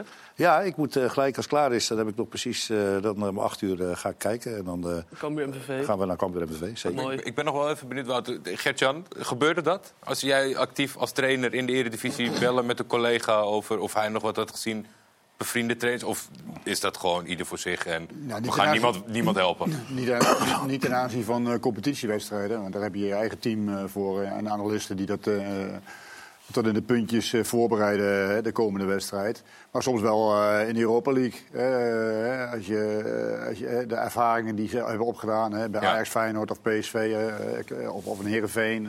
Eh, bij dat soort clubs. eh, bij AZ hebben we natuurlijk ook lang in Europa gespeeld. Maar dan kom ik in landen waar je nog nooit geweest bent. Maar eh, en dan is een andere ploeg er al wel geweest. Nou, dan ga je informeren hoe het, hoe het gaat, hoe de reis is, eh, wat het beste hotel is. En dat soort dingen, ja, dat, eh, dat doe je wel. En de ene coach is ook wat, wat defensiever als de andere. Hè. Daarin heb je ook defensieve en, en offensieve coaches. Ja, maar over het algemeen is, de, is, is, is iedereen wel uh, goed schiks en uh, staat graag informatie af. Alleen natuurlijk niet bij de, bij de komende wedstrijd als je tegen elkaar moet. Nee, Iets is- meer afgebakend, maar toch nog wel collegialiteit. Over uh, Cambuur gesproken, René. Want we hebben natuurlijk onze eigen Max. Die is in de cijfers en data gedoken. Wat je zelf ook wel hebt gedaan, zeg je. Maar toch, onze Max ziet altijd net iets meer dan, uh, dan de rest. Max, help, help René eens een klein beetje. Nou ja, René, Hoe moeten ze het gaan doen? René kijkt natuurlijk heel veel. Ik kijk het vanuit de cijferkant. En eh, wat Cambuur dit seizoen echt kenmerkt... is dat ze aanvallend supersterk zijn. Ze maken de meeste goals van iedereen in de KKD, dus dat is eh, logisch. Ehm, maar er is één dingetje bij Cambuur wat heel erg opvalt. is dat ze enorm kwetsbaar zijn in de omschakeling. Eh, als amateurclub word je daar misschien ook nou, al wel redelijk toe gedwongen. Maar hier liggen echt kansen. Eh Cambuur kreeg al 43 eh, nou ja, kansen tegen uit een directe aanval, een counter. Daarmee behoren ze tot de, wat dat betreft, minst goed presterende eh, teams uit de KKD. En daar kwamen ook al vier goals uit. En alleen de Graafschap en Helmond Sport kregen meer van dat soort eh doelpunten tegen. En dan denk je, nou oké, dat is mooi, maar kan Hercules daar iets mee? Nou, zeker weten, want in de KVB-beker eh, is er één team die er ver bovenuit steekt qua directe aanvallen. En ik denk dat ik eigenlijk al wel verklapt heb wie dat is. USV Hercules, die al 14 keer nou ja, gevaarlijk werd. Is dat vooral dan tegen Ajax geweest, omdat we tegen Ajax hebben gespeeld? Nee, de meeste van dat soort aanvallen kwamen in de eerste ronde tegen Scheveningen. En tegen Ajax waren dat er slechts vijf. Ja, Wel hoog rendement, drie keer scoren. Ik moet zeggen, tegen, wel gek, met deze Scheveningen hebben we echt, denk ik, 80% balbezit gehad. Er werd er weinig gecounterd, waren we echt heer en meester. Alleen het bleef 0-0. Maar daar hebben we misschien onze beste wedstrijd gespeeld. Want Scheveningen heeft er echt alleen maar achter ons aangelopen. En bij ACV hebben we wel een paar lelijke counters gehad. Dat was 1-5, dat was wel mooi. Want eh, ja, die staat natuurlijk gewoon ook in de top 4-5 van de tweede divisie. En die hebben we echt met 1-5 gewonnen. Dus we hebben ook echt wel... eh, Maar inderdaad, we schijnen er best goed in te zijn. Dat is grappig, want in de derde divisie is het andersom. We moeten tegen Hercules enorm goed verzorgd voetbal. Lang op de helft van de tegenstander, lekker inzakken. En dan hebben ze het moeilijk. En dan pakken ze ons op de omschakeling. Dus, eh, Niks maar we- mis mee hoor. Beetje nou, ik zou eerlijk vertellen dat dit heeft natuurlijk voor mij als trainer ook wel weer grappig. Ik zeg nou niet gelijk dat we tegen Kampong nu ineens allemaal op eigen helft hebben gaan lopen verdedigen. Maar het is eh, natuurlijk wel zo dat ik ook nu wel iets vaker ga nadenken dat we toch eens maar wat meer... Ook in de competitie? wat- Ja, zeker. Ik, vind, eh, ik heb ook wel geleerd dat als een ploeg niet zo goed kan voetballen... dat je ze begin juist moet laten voetballen. En daar was ik in het verleden was ik daar wat minder van... omdat ik vond dat ik altijd van mezelf uit moest gaan. Maar nu eh, begint ik ook natuurlijk een beetje wakker te worden met deze cijfers. Dus, Wil je dat nog één keer zeggen? Een ploeg die niet kan voetballen, moet je juist laten voetballen? ja. Nou, Dus kijk maar even naar de eredivisie. Eh Go Ahead Eagles en Sparta. Het zijn allebei ploegen die vaak minder balbezit hebben. Ja, maar daardoor juist heel veel wedstrijden wel winnen. Ja. Laat die Dus gasten eh, maar het kan ook keuzes, werken. laat ze maar keuzes maken. Ook nog een keer op een wat minder veld. We hebben thuis ook een afgrijzelijk veld. Dat is ook niet in ons voordeel, want wij willen ook echt altijd spelen. Dus laat nou af en toe die tegenstander die nog minder kan voetballen... maar die keuzes maken, zodat wij in de opschakeling af en toe... eh, onze grote held Tim Pieters er eens weg kunnen sturen. Maar in het huidige voetbal is het toch eh, heel, eh, een, een heel duidelijke statistiek dat de meeste goals vallen uit de opschakeling. Ja, precies. Ja. Dus het is niet een. een, een Ik zag iets in de. Europese wedstrijden van AZ zelfs de afwachtendheid. Dat de keeper met 30 seconden met de bal aan zijn voet stond. Omdat ze gewoon per se de tegenstander wilden lokken. En niet zelf het initiatief Ja, maar nemen. het allermoeilijkste is om inderdaad, hè, wat, wat eigenlijk Feyenoord speelt, is van- vanuit de verzorgde opbouw van achteruit, PSV eigenlijk ook. En dan tot scoren, hè, zo- zonder dat de tegenpartij een interceptie heeft, eh, tot scoren te komen. Dat is het allermoeilijkste wat er is. Dat willen wij ook. Hè, want eh, ja, de meeste ploegen zijn eh, defensief al goed georganiseerd. Hè. Dat zie je zelfs in, eh, in, eh, bij nationale elftallen tegen kleine landen die Mhm. het heel moeilijk kunnen maken. Hè, dus je, je, je basic kans ligt inderdaad op het moment dat, eh, dat je de bal niet hebt eh, en de tegenstander eh, te veel mensen voor de bal heeft. En dat heeft Cambuur, want Henk de Jong is een aanvallend coach. Ja. Het is wel een offensieve coach. Ja, dan, eh, dan ligt daar heel veel ruimte achter de laatste lijn. En die- ze hebben niet zo heel veel snelheid achterin, dus dat, daar kun je van profiteren. Is het iets wat je zelf ook wat opgeschreven, eh, René? Van eh, dit moet, hier moeten we op gaan letten? Nee, hij eh, heeft zijn werk goed gedaan. En, eh, had het net over jullie slechte veld. Maar is- eh, hoe jammer is het dat jullie niet nogmaals in de Galgenwaard kunnen spelen? Ja, dat is gewoon shit. Eh, weet je, het is gewoon leuk. We hadden, denk ik, als we de tribunes hadden opengegooid... hadden we er wel tot, eh, ik denk wel tot 10, 15.000 kunnen komen, denk ik. En dat Ja. was natuurlijk voor ons en financieel. Mhm. Maar ik moet eerlijk bekennen, ik had wel gezegd toen ik hoorde dat die doorging... laten we nou alsjeblieft dan niet naar een ander mooi stadion gaan... maar dan maar gewoon naar een wat minder grasveld weer... en lekker kneuterig en amateuristisch. Want Terug ik naar de denk, eigen eh, nou ja, voordeeltjes moet gewoon, voor de eh, amateur. Je moet gewoon realistisch zijn. Zij gaan Ja. meer balbezit hebben. Dus laat het veld maar wat minder zijn. En, eh kom erop. En Daar dan, kan we niet zoveel last van hoor. Met de manier van spelen. eh, nee, nee, ja, goed. Gaat, ja, maar goed we- het is wel in ons voordeel als het wat kleiner is en het is wat slechter. Jullie gaan het, voetballen eh, op Zoudenboog, hè? Het, eh, ja, en hebben alleen het nadeel is natuurlijk gewoon na twa- 1200 man, het is klaar. Het is, was binnen 40 minuten uitverkocht. En we hebben ook nog 1000 man in de sporthal die dan op een scherm gelopen kijken. Was ook binnen 50 minuten uitverkocht. Ja, het leeft natuurlijk enorm. We hadden natuurlijk het liefst voor 15.000 man gespeeld. Maar we, kijk, laten we eerlijk zijn. Het is voor ons ook een kans om bij de, in de kwartfinale te komen. En als dat 5% meer wordt door op een shitveld te spelen ergens op Zoudenboog, dan eh, ja, waarom niet? Het gaat natuurlijk allemaal om, om kleine percentages, eh, net iets beter worden. eh, kleine verschillen heeft het natuurlijk. Nou, kan een sportmaaltijd natuurlijk ook wat eh, uitmaken. De matchwinner van de vorige wedstrijd, Mats Grotenbrecht, die weet in ieder geval wel hoe hij zich gaat voorbereiden op deze wedstrijd. Oh mijn god. Maar wat heb je eigenlijk gegeten voor die wedstrijd tegen Ajax? nee, goed opgelet. Ja, ik moest werken voor de wedstrijd tegen Ajax. En eh, ja, ik had korte tijd om thuis even snel te douchen. Dus onderweg heb ik eh, een klein McDonald'sje gepakt. Dat meen je niet. ja, ja, ja. Wat heb je op dan? Een Big Tasty single menu met eh iced tea. Ja, dat eh, moet ik volgende keer weer doen, want ja, anders scoor je niet tegen Ajax.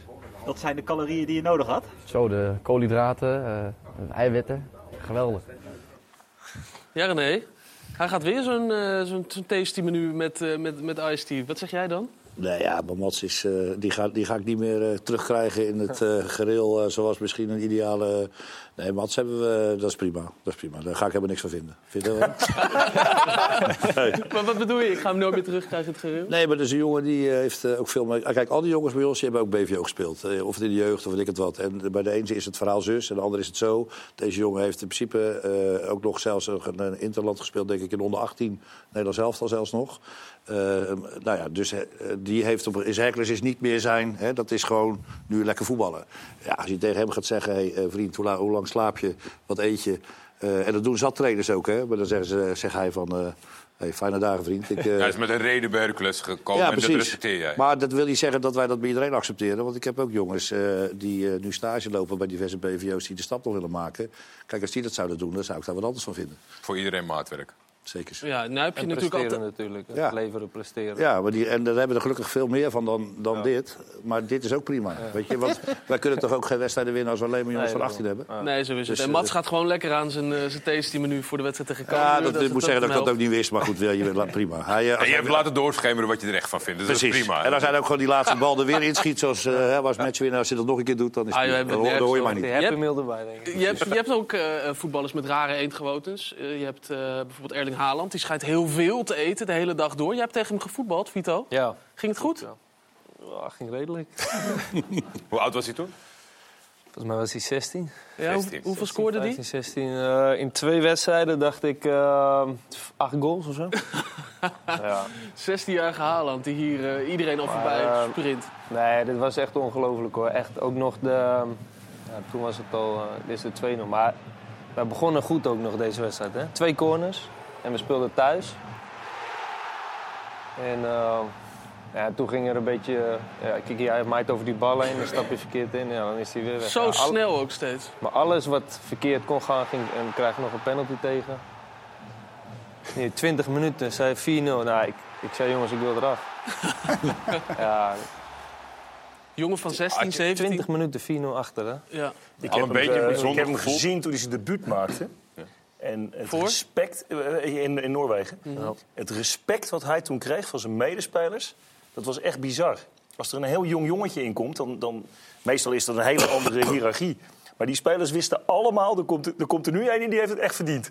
Die is er wel aan toe. Was, was dat ook echt zijn reputatie in de competitie? Was er al zeg maar, een soort van stempel? Wat Moeten we denken aan, denk ik, ja, 16-jarige Lukaku bijvoorbeeld. Daar wist ook iedereen Ja, van. vijf- wat- 15, 16 jaar, toen maakte hij denk ik zijn debuut. Want dat was ook de, eh, ik speelde eerst een half jaar eh, voor Alessund. Mhm. Eh, en toen maakte hij volgens mij inderdaad, dat jaar maakte hij zijn debuut. En, eh, en toen was het al een jongen, die, die, die beukte gewoon even tegen je aan. En met een elleboogje erbij. Toen keek ik hem af van, jongen, gaan we, gaan we het zo spelen? Of niet? Dat vroeg ik ook aan me. Hij zei, ja, come on. Ik zei, nou, dan gaan we, gaan we het doen. Dan gaan we het doen. En, maar na de wedstrijd zei ik wel van, lekker joh. Eerlijk, hou ik van en lekker zo doorgaan. En gefeliciteerd ook met je debuut. En eh, ja, hij heeft het aardig uh, vergeschoten. Maar wist je toen al, dit Ja, dat, dat merk je wel. Gewoon in de manier van hoe die daar eh, binnen de lijnen komt. Weet je, je voelt meteen aan zo'n jongen die is zelfverzekerd en die, die straalt het gewoon uit. Nou, ik was eh, geen kleine jongen toen ook nog niet. eh, en, en, en dan loopt hij toch even tegen je aan. En dan denk ik ook wel van, van ja, hou eens even. Weet je, ik, ik, ja, ik hou er wel van. Ja. Weet je, maar dat kan je niet laten blijken op dat moment Nee, natuurlijk. nee, maar je denkt na, na, na afloop natuurlijk wel van... Oeh, Ja. is een jongen van, van 15, 16, Ja. die heeft er vier tegen me ingelegd. Ja, toen wist je dat natuurlijk nog niet. Eh, dat was dan inderdaad het jaar daarna. En eh, toen belde me- mijn vader, altijd contact natuurlijk. eh, eh, en elke, elke wedstrijd in Nederland zat hij op de tribune, mijn vader. Nou, die belde me op. Hij zegt, Fiet, je kan beter stoppen met voetbal, hè vriend? ik zeg, wat is er aan de hand? Ja, 16-jarige scoort vier keer tegen. Ik zeg, ja, ik weet het ouwe, maar... Dit is een eh, speciale. Dit, dit is een hele speciaal. Deze gaat een van de betere van de, van de wereld worden. Hij was super jong. Is het beste spits Ja. waar je tegenover gestaan hebt? Of heb je Eh, iemand later in? Nee, ik denk overal is het wel. ehm, kijk, eh, je hebt verschillende spitsen natuurlijk. Mhm. hè. Je hebt bijvoorbeeld een Ricky van van Wolfswinkel, je hebt een Suarez, je hebt, eh, waar, waar je natuurlijk ook tegen hebt gestaan. En, en Higuain in, in Amerika. Je hebt nu Ricky van Wolfswinkel met Higuain, Suarez Ja, en Haaland. die kan je wel- Die kan je best vergelijken met elkaar. Qua positionering en qua opstellen. Weet je, achter de, achter de laatste linie, dan, dan, dan zie je ze niet. Moet je ze over de schouder. Hele slimme eh, spitsen zijn dat. Nou, en Haaland is misschien wat minder slim, maar die doet alles op kracht. En natuurlijk maakt hij nu ook stappen qua weet je, voetbal, voetbalgochme echt en zo. Maar ik denk dat dat nog wel wat ontbreekt aan hem, het echte voetbaltalent. En, en de, de, de, de, de echte touches en de... Ja, het is gewoon een voetbal, het is gewoon een dier. Echt, wat je zegt, hij eet eh, ook het hart op en eh, weet ik veel wat allemaal. Ja, ja, hij is een aparte... Ja, het is echt een heel groot. atleet, echt wel. Ja, ja. Maar de beste speler tegen wie je hebt Ja, denk het wel, ja. Ja, ja dat lijkt me dan... eh, Spits dan, hè? Ja, ja, ja, spits hebben we het over. En Ricky van Wolfswinkel zit er niet ver vandaan, hebben we eh, net gehoord. lekker straks. Heel goed, ja. zeker. Ricky heeft een goede avond. Straks zijn we terug en dan gaan we onder andere de Eredivisie eh, voorspellen. Want we zijn natuurlijk heel erg benieuwd wat er allemaal gaat gebeuren dit weekend. En Vito en René gaan precies vertellen wat er allemaal voorbij gaat komen. Heel graag, tot zo.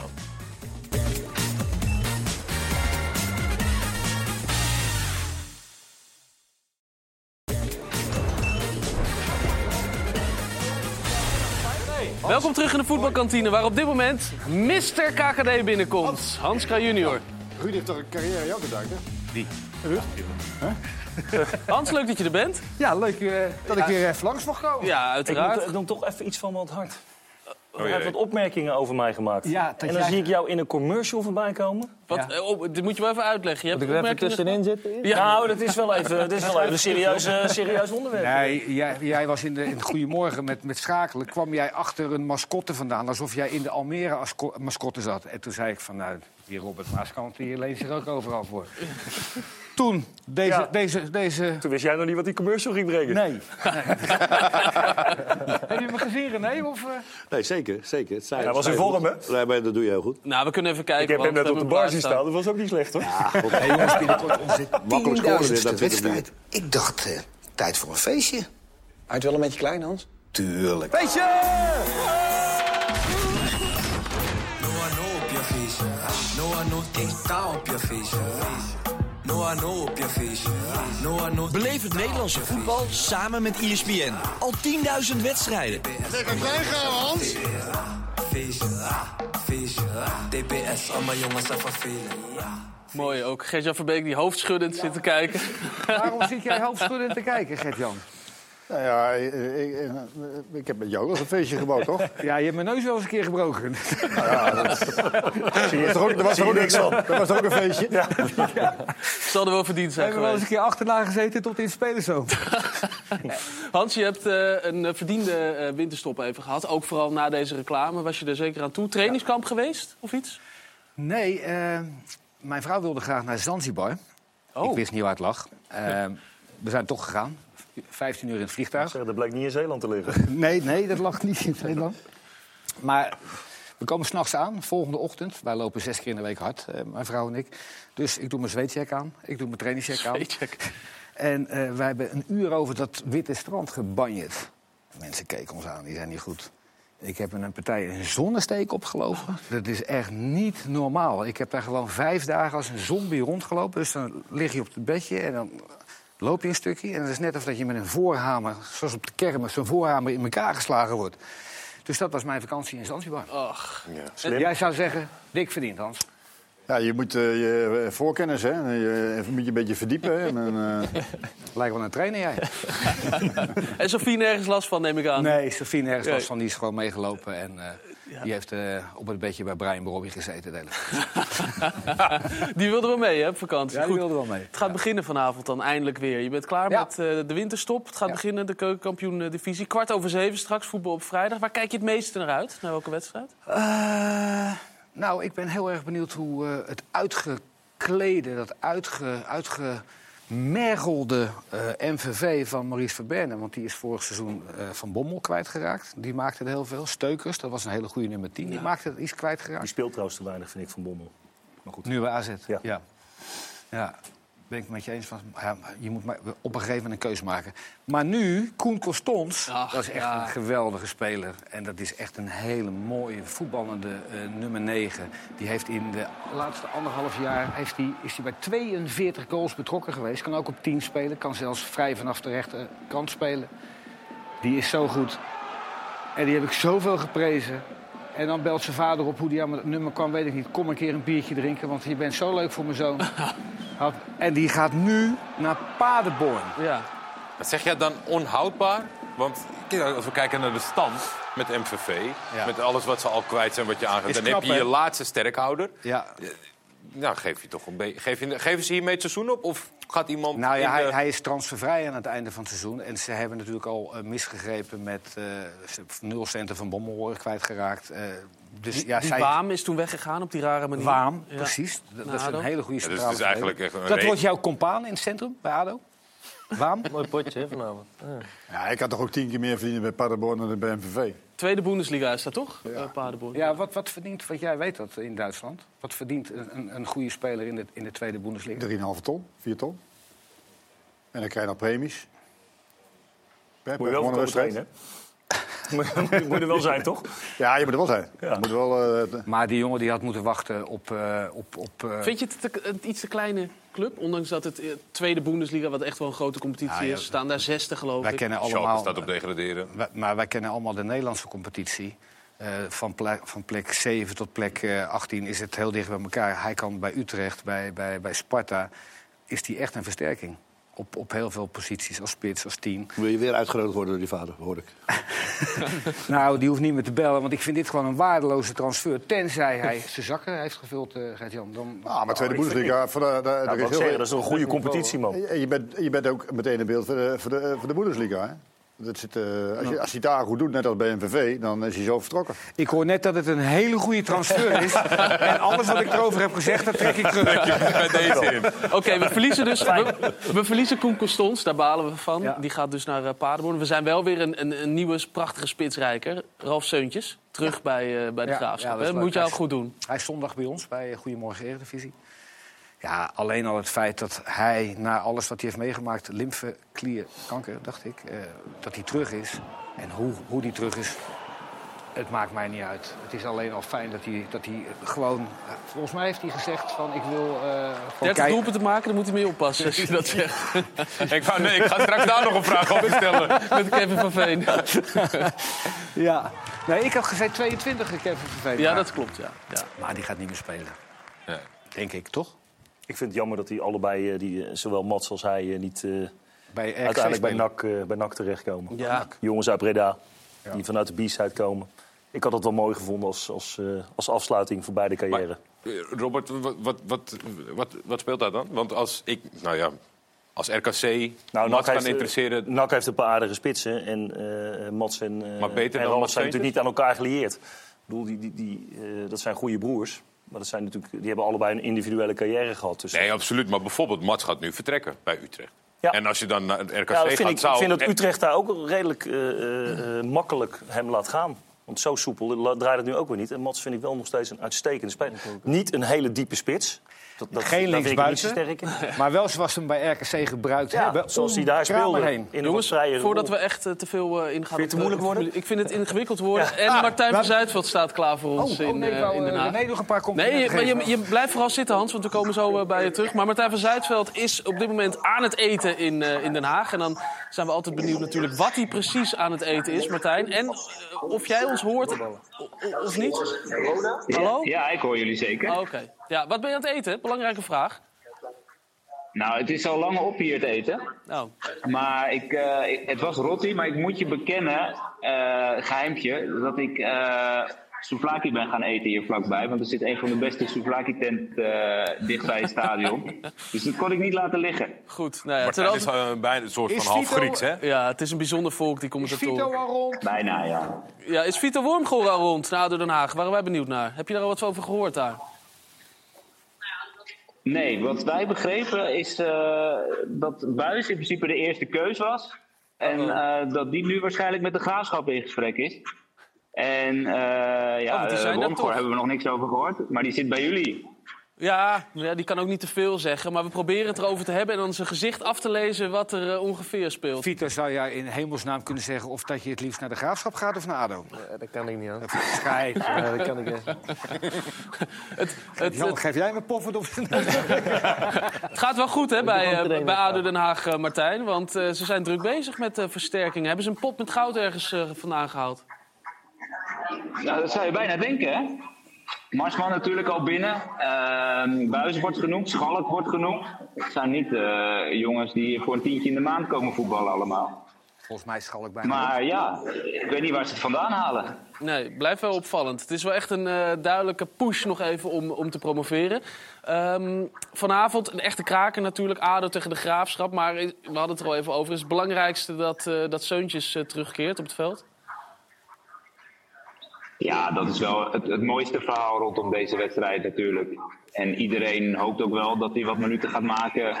Zodat we hem weer op een Nederlands voetbalveld in actie gaan zien. Na alles wat hij, wat hij heeft meegemaakt. En ik heb eigenlijk ook wel het vermoeden dat dat gaat gebeuren. Gezien het feit dat hij in een oefenwedstrijd een half uurtje mee heeft gedaan. Ja, het zou wel heel mooi zijn in ieder geval. Het is iets waar iedereen naar uitkijkt hier. Ja. Hij gaat eh, niet in de basis eh, starten, lijkt me. Maar het zou mooi zijn als hij in ieder geval eh, minuten maakt. Martijn, dankjewel. En eh, nou, dus niet verder aan het eten. Souvlaki hopelijk goed gesmaakt. En we gaan elkaar spreken. Dank. Ja, ik ben nog wel benieuwd, Hans. Hij staat daar natuurlijk, de, de, achter jou. Ja. Wat, wat ga ik... eh, vorig jaar was het mijn Boerak Yilmaz meter. Nu heb ik me laten vertellen aan het begin van het seizoen... je moet voor Kevin van, Ge- van Veen gaan. Oh, heb jij hem gekozen? Ja, het, is, het was mijn item wat dat betreft. Ik moet ik hem weghalen. Moet, hij- moet hij hierachter verdwijnen naast Boerak? Of, of... Nou, Hij gaat ik, niet spelen in ieder geval. ik, ik denk dat hij het nog eventjes aankijkt. En dan, dan moet hij toch een transfer gaan maken. Was hij niet in beeld al bij... eh, bij? Schotse, bij Schotse en Schotse Schotse clubs. Schotse clubs, ja. die, daar, Nou, ja. ik geloof niet dat de technische staf bij Groningen nog echt in hem gelooft. En Nee. ik geloof ook dat hij zich niet kan neerleggen bij een rol of vanaf de bank als pinchitter. Wat ik overigens uitstekend zou kunnen, denk ik. Maar ja, dan moet je wel alle twee mee uitkomen. Want hij kan Ook natuurlijk een hele belangrijke rol zijn. En Groningen komt er nog aan, hè? Let op. Wel een dure pinch zit het dan, toch, Ja, Robert? nou, Want als je in nou het begin en. van het seizoen ging... het- Nou en? Ja, oh, nou, Een dure ja. Iemand die, is iemand duur die een goal maakt? In de laatste minuut? Ligt Maar eraan ik, welk kijk, doelpunt. niet, maar ik kijk even naar twee andere trainers. Eh, een pinchitter is toch vaak een soort Piet Keur. Eh, eh, groot, sterk, koppend. Nou, ballen, de- ballen inpompen en hij is geen kopper. Nee, een pinchitter is inderdaad wel iemand die... eh, op een oh, hè, je hebt het vaak over plan B.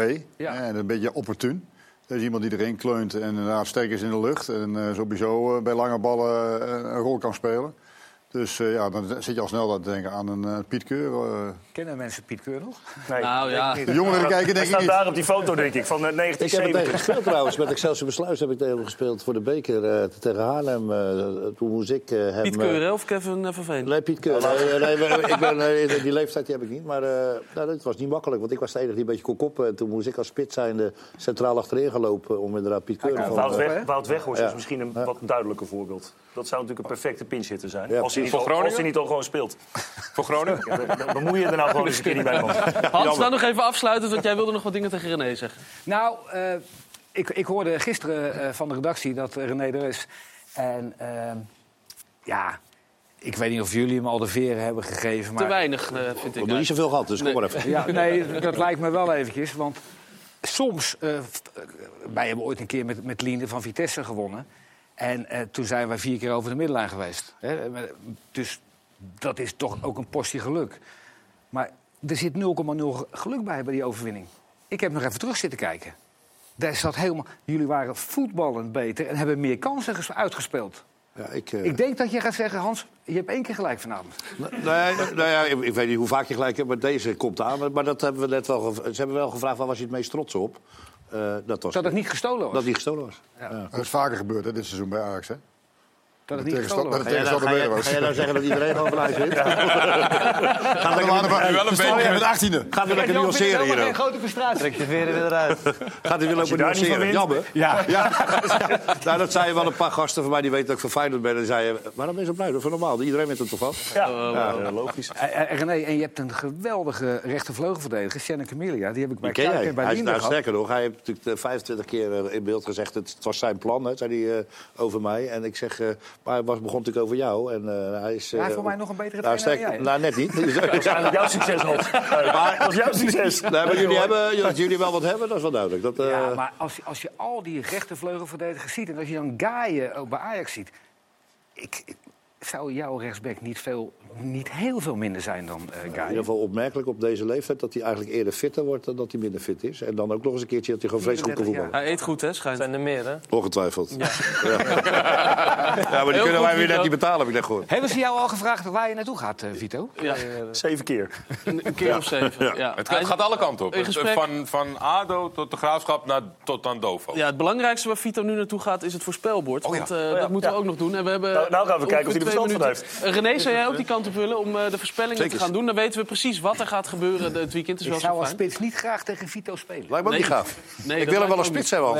Ik zou wel een spits willen hebben. Ja, je bedoelt als spits zitten? We hebben net beelden Ja, bijvoorbeeld. Oké, Vito, jij mag beginnen. Graag eh, de eerste letters hè, van, de, van Ja. de winnende ploeg. Of een X, dat kan natuurlijk ook, want het kan altijd gelijk worden. Vandaag gaan we dus beginnen hè, met een echte, echte degradatiekraker. Wat valt er wat te Ik winnen kan ook? niet kan beginnen, René. René, jij mag. Ja, Zeker. ja, zeker. Wij kijken gewoon en we roepen af en toe wat. Vito denkt dat RKC begint met eh, een belangrijke zes punten. Ja, en dat betekent dus dat we een doelpunt van RKC in de ESPN Goal-app voorbij ze gaan eh, zien komen vanavond. eh, Robert? Fortuna houdt Sparta Ja, op een gelijkspel, denk ik dat je dat zou moeten benoemen bij de Ik huidige ranglijst. Twente wint van AZ volgens Vito. Oh, René is helemaal klaar. Pak jij René mee? Eh, ik René de, zegt gelijkspel, Volendam, Almere. Daar gaan wij naartoe, Robert. Dus Zeker. dat Ja. eh, wordt hopelijk 4-4 Kwart dan. over twaalf. Twaalf uur begint de uitzending. Zo is het. lekker, op tijd, lekker veel tijd. Go Ahead Ajax. Gelijk spel voor René. En eh, Vito geeft eh, de winst aan Ajax. Uitwedstrijd. Toch tegen een beetje een angstgate. Wat gebeurt er aan de linkerkant, eh Jordi? Eh, dat is, even kijken. Er- hij- ze zijn het eens over de overwinning van RKC vanavond. Sparta wint volgens René uit bij Fortuna. Gelijkspel bij Twente AZ. Heerenveen tegen... Nee, PEC Heerenveen is het gelijkspel. En ze denken beide natuurlijk PSV wint. PSV wint en Feyenoord wint in ieder geval eh, de wedstrijden. Dit is de voorspelling eh, van eh, beide heren. Elvis Manu staat nog steeds helemaal bovenaan met zeven goede wedstrijden. Tot nu toe eh, trotse koploper van onze voorspellingen. Eh, heren, bedankt allemaal. Fijn dat jullie er waren. Hans, rustig aan. Je mag nog even blijven zitten hoor. We gaan in ieder geval afsluiten. Eh, geen probleem dat je er op beeld heen loopt. Vito, goed dat je eh, er was. En, was eh, je bent hier geweest, dan weet je hoe het gaat. Binnenkort een nieuwe club. Twee weken, zei je toch? Twee Twee weken, weken max. maximaal. Ja, max. Ja. Robert, tot heel snel. Hans, tot eh, volgende week ongetwijfeld. Gert-Jan, fijn dat je er was hier in de kantine. En René, heel veel plezier. Vanavond natuurlijk bij Cambuur, maar ook eh, komende week. Gaat allemaal eh, goed komen. Ehm, dit was het, de voetbalkantine, voor nu op ESPN. Maar je zit de hele avond goed natuurlijk, want straks hebben we ESPN vandaag. Daarna dan voetbal op vrijdag met natuurlijk Hans Kraaij junior... en dan alle wedstrijden van de keukenkampioen-divisie ga je daar zien. Daarna wordt er natuurlijk uitgebreid op nabeschouwd. En dan om 11 uur op ESPN 2 voetbalpraat. Dat kan een hele speciale worden met Marciano Vink, Anko Jansen en Kees Luiks. En dan om half 12 begint diezelfde voetbalpraat ook op ESPN 1. Dus je zit de hele avond goed op ESPN. Doe je Maar dat goed, allemaal zonder autocue? zo is het helemaal uit het hoofd. Maar je zit het hele weekend goed hoor bij ESPN. Want morgen bijvoorbeeld, en dit zijn er ook wedstrijden, dan heb je PEC tegen Herenveen. En zondag. Pak je dan moment is het waar het natuurlijk, doorgaan, hè? eh, gewoon, Tot aan eh, zondag. eh, Tot aan zondag. Dit was het. Goed weekend.